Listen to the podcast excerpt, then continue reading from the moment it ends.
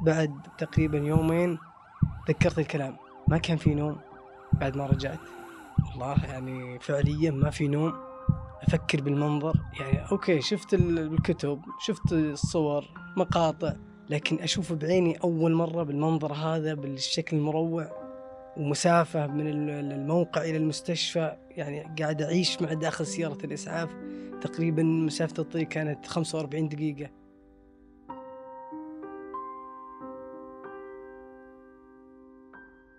حياكم الله في بودكاست عش بصحة هذا البودكاست هو أحد منتجات المنصة الرئيسية للتوعية الصحية بوزارة الصحة. دائما أول يوم عمل بالعادة يكون يوم خفيف. تعرف فيه على الناس وعلى الزملاء وترجع بيتكم. لكن بالنسبة لعلي في أول يوم له كان العكس تماما. الأول يوم لي بالدوام كان برا الرياض كنت بمنطقة ثانية شمال المملكة. وصلت للمنطقة أعطيتهم أوراقي خلصت جاني المدير قال خلاص شفتك بكرة نايت كان أول شفت لي بالمسيرة هذه كاملة. ف كان دوامي داخل المنطقة هذه المنطقة هذه معروفة بالحوادث يعني الحوادث الشنيعة.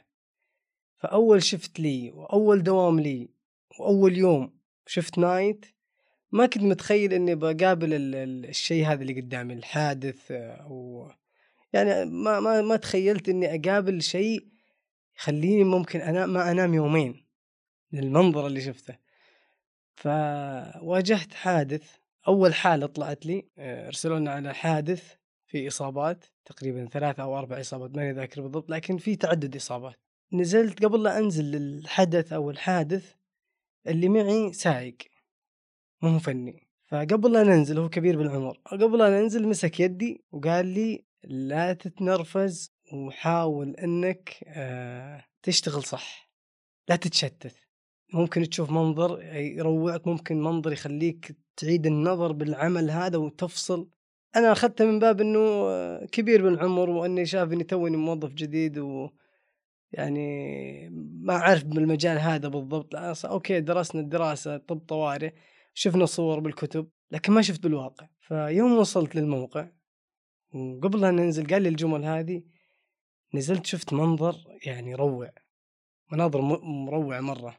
اشتغلنا ضمدنا الجروح اللي عنده كسر اللي حالته خطيرة جت اسعافات ثانية نقلنا الحالات للمستشفى. تذكرت كلامه فعلا. يعني بعد بعد تقريبا يومين تذكرت الكلام. ما كان في نوم بعد ما رجعت.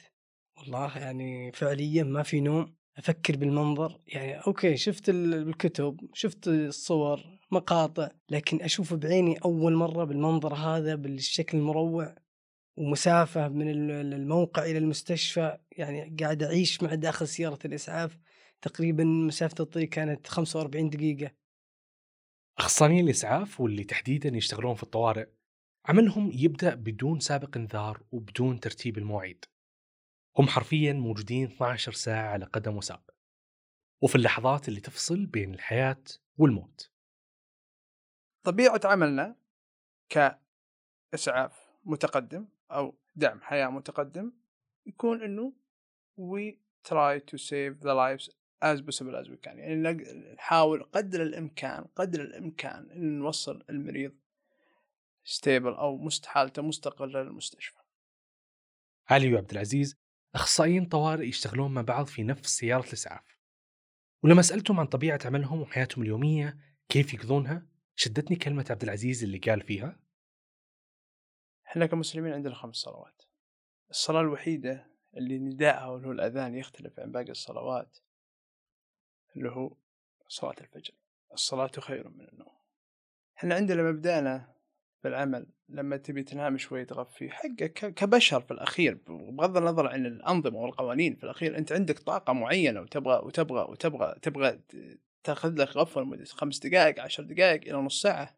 لما تأخذ الراحه هذه فهمت علي؟ توك بادي ينادوك إنه في بلاغ في المكان الفلاني فأنا مرات تتبادر على ذهني إنه العمل خير من النوم. بسم الله مشينا.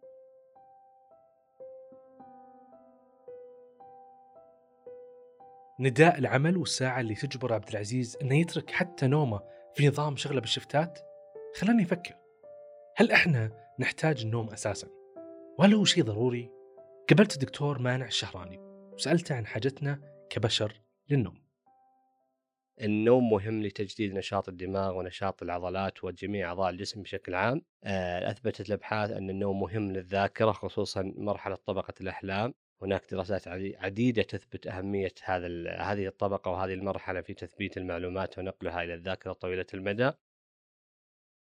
أنا دكتور مانع مبارك الشهراني آه، استشاري طب الأسرة واستشاري طب اضطرابات النوم حاصل على زمالة جامعة الملك سعود لطب اضطرابات النوم كتخصص دقيق كذلك حاصل على زمالة الجمعية الأوروبية لطب النوم.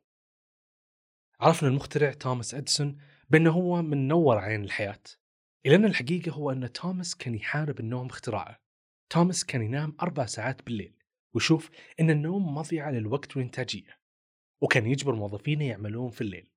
والكثير روج لهالفكرة وصرنا نشوف أنفسنا نحاول جاهدين أن طول الأسبوع نشتغل ونشتغل عشان نعوض النوم في ساعات الإجازة الأسبوعية. ولكن الحقيقة أن إحنا جالسين نتلاعب بساعتنا البيولوجية.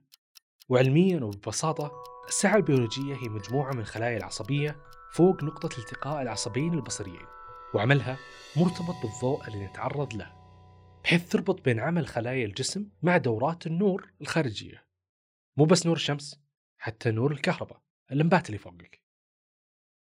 هو أحد أسباب الحاصلة الحين في اضطرابات الساعة البيولوجية كأحد اضطرابات النوم هو وجود الإضاءة في الليل حيث إن عادة يفضل انه يكون الليل في جو خافت. فزي ما ذكرنا وجود الأنوار بشكل عام يوقف أو يمنع إفراز هرمون الميلاتونين واثبتت الدراسات ذلك.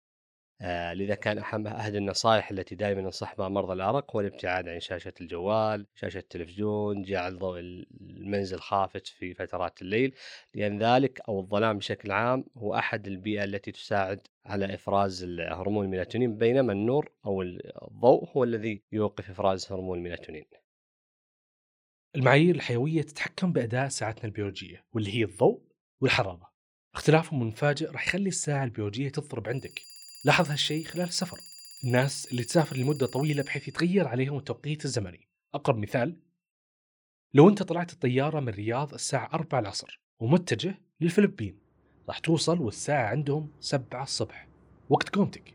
لكن جسمك ساعته بتكون 2 بالليل وقت نومك. وهنا ساعتك البيولوجية راح تنصدم من مؤثرات الضوء والجو لأنه الواقع الصباح وهالشيء معروف باضطراب الطيران. ويأكد الكلام تجربة قديمة ترجع لسنة 1962 لمستكشف اسمه ميشيل سيف واللي قرر يعزل نفسه تحت الأرض لشهور بدون ضوء بدون ساعة حتى ما يعرف التوقيت. وربط جسمه بجهاز يقيس علامات الحيوية والنتيجة كانت حياة ميشيل الحيوية ثابتة من أكل ونوم واستيقاظ ويرجع هالشيء لأنه بعيد عن أي مؤثرات تغير من ساعته البيولوجية لكن وش سبب تحكم الضوء في ساعتنا البيولوجية؟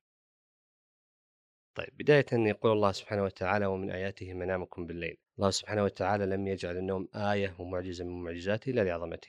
تتلخص عملية النوم أو طريقة أو طريقة حصول النوم في عن طريق عمليتين أو آليتين تنظيميتين. الآلية الأولى اللي تسمى آلية التنظيم المتجانس أو ال homeostasis تسمى أيضا إلحاح النوم أو ال sleep pressure مفاد هذه العملية اختصارا أنه كلما زاد عدد ساعات استيقاظ الدماغ زاد الإلحاح في الحصول على النوم. يكون السبب في ذلك عادة اللي هو تجمع مادة الأدينوسين في الدماغ.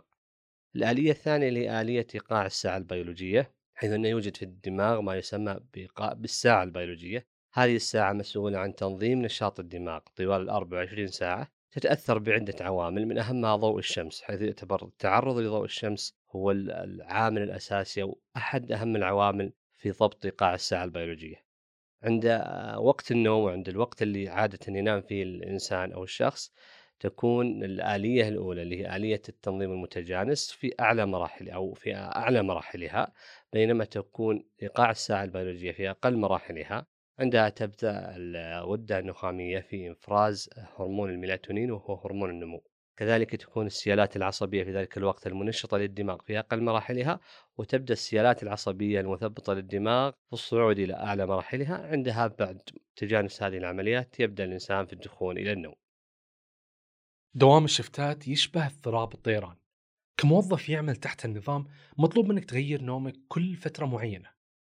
تغيير أوقات النوم خلال الدوام بالشفتات يعرضك لاضطراب الساعة البيولوجية اضطرابات آه، نظام الورديات أو نظام عمال الورديات والشفتات هو أحد اضطرابات النوم المعترف بها والمعتمدة لدى تصنيف العالمي لطب النوم وهي فعلا أحد الاضطرابات المندرجة تحت ما يسمى باضطرابات الساعة البيولوجية.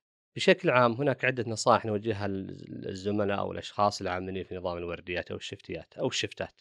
بداية هو التكيف مع الشفتة بداية ينصح بأن تكون فترة تغيير الشفت بفترة أطول. مثلا يتم تغيير الشفت أو دورة الشفت كل ثلاثة إلى أربع أسابيع بدلا من تغييرها بشكل أسبوعي.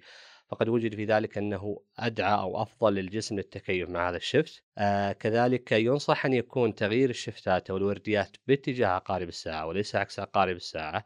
فمثلا إذا كان شفت اليوم في النهار في الصباح شفت القادم لا يكون في الليل بالعكس بل يكون فترة المساء المساء ثم الذي بعده في الليل. كذا هذا هذا الروتين وجد أنه أفضل أو يعتقد أنه الأفضل في تكيف الجسم مع هذه الشفتات. كذلك ينصح قبل بداية الشفت أو قبل الذهاب إلى الشفت بأخذ غفوة. هذه الغفوة وجد أنها تساعد في زيادة التركيز أثناء الشفت. كذلك ينصح بإعطاء العاملين في نظام الورديات أو الشفتيات في وسط أو الشفتات في وسط الشفت بوقت راحة. هذا يزيد من معدل الكفاءة والإنتاج ويعوضهم نقص ساعات النوم التي يأخذونها في النهار. سألت عبد العزيز إذا عملك يخلي نومك مضطرب هل تكره عملك؟ هل حنا متضايقين من هالمبدأ هذا لا ما وصل لمرحلة إنه إنه لا أنا ما أبغى العمل هذا. لا أنا أنا أقول أول حاجة أول حاجة أول حاجة تقبل طبيعة حياتك الجديدة. مجرد تتقبلها إنه خلاص بيصير حياتك ما تكون نفس باقي معظم ال- البشر راح يكون حياتك متقلبة. فأول شيء تقبل طبيعة حياتك الجديدة. إذا تقبلتها فأنت تقريبا راح تختصر على نفسك شيء الشيء الكثير بعد ذلك حاول قدر الإمكان إنك إنك ترتب ترتب ترتب نومك. حاول قدر الإمكان إنه إنه لا تجعل نومك آخر همك لأنه إذا جعلت نومك آخر همك في أشياء كثيرة في حياتك راح راح يعني راح تتأخر وراح وراح تتأجل بسبب إنه أبي أنام نص ساعة أبي أنام ساعة شوية بس. لو خليت نومك آخر همك وش ممكن أسوأ السيناريوهات لو تعرضت لاضطراب نوم متواصل؟ أو بقيت لفترة طويلة بدون نوم. بعد 24 ساعة بدون نوم يبدأ عقلك يدخل في مرحلة اضطراب وتشويش يدخلك في مزاج جدا سيء. وطبعا تظهر هالات تحت عيونك. يفرز جسمك هرمون الجليرين وهو هرمون الجوع واللي راح يخليك تاكل بدون توقف. ليش؟ لأن هرمون الليبتين المسؤول عن الشبع راح يكون متوقف تماما في فترة الليل. بعد أسبوع من النوم القليل راح تضطرب مستويات السكر في جسمك واللي يزيد احتمالية إصابتك بمرض السكري. جهازك المناعي راح يضعف إنتاج بروتينات تعزز المناعة راح تقل الأجسام المضادة وكريات الدم البيضاء. راح يرتفع معدل ضغط الدم عندك ويزيد هرمون الكورتيزول. هذا السبب هو ردة فعل على الإجهاد اللي سبب قلة النوم. وأخيرا مشاعرك العاطفية راح تكون مضطربة. وراح تتصرف بردات فعل مبالغة. لو تهاونت بالنوم فأنت قاعد تعرض حياتك وحياة من حولك للخطر. تراكم النوم هو دين راح تدفعه من صحتك. اضطراب جسمك لفترة طويلة بسبب قلة النوم والسهر راح يسيبك بأمراض مزمنة. حافظ على نومك واضبط ساعتك البيولوجية دائما على توقيت صحتك. لأن النوم مو ترف هو حاجة. وذكر لا تراكم ديونك عشان ما تخسر صحتك. أتمنى الحلقة حازت إعجابكم. لا تنسوا الاشتراك في البودكاست حتى يوصلكم كل جديد. اسمع البودكاست عش بصحة؟ وخليك نايم مهتم صحتك يومك سعيد.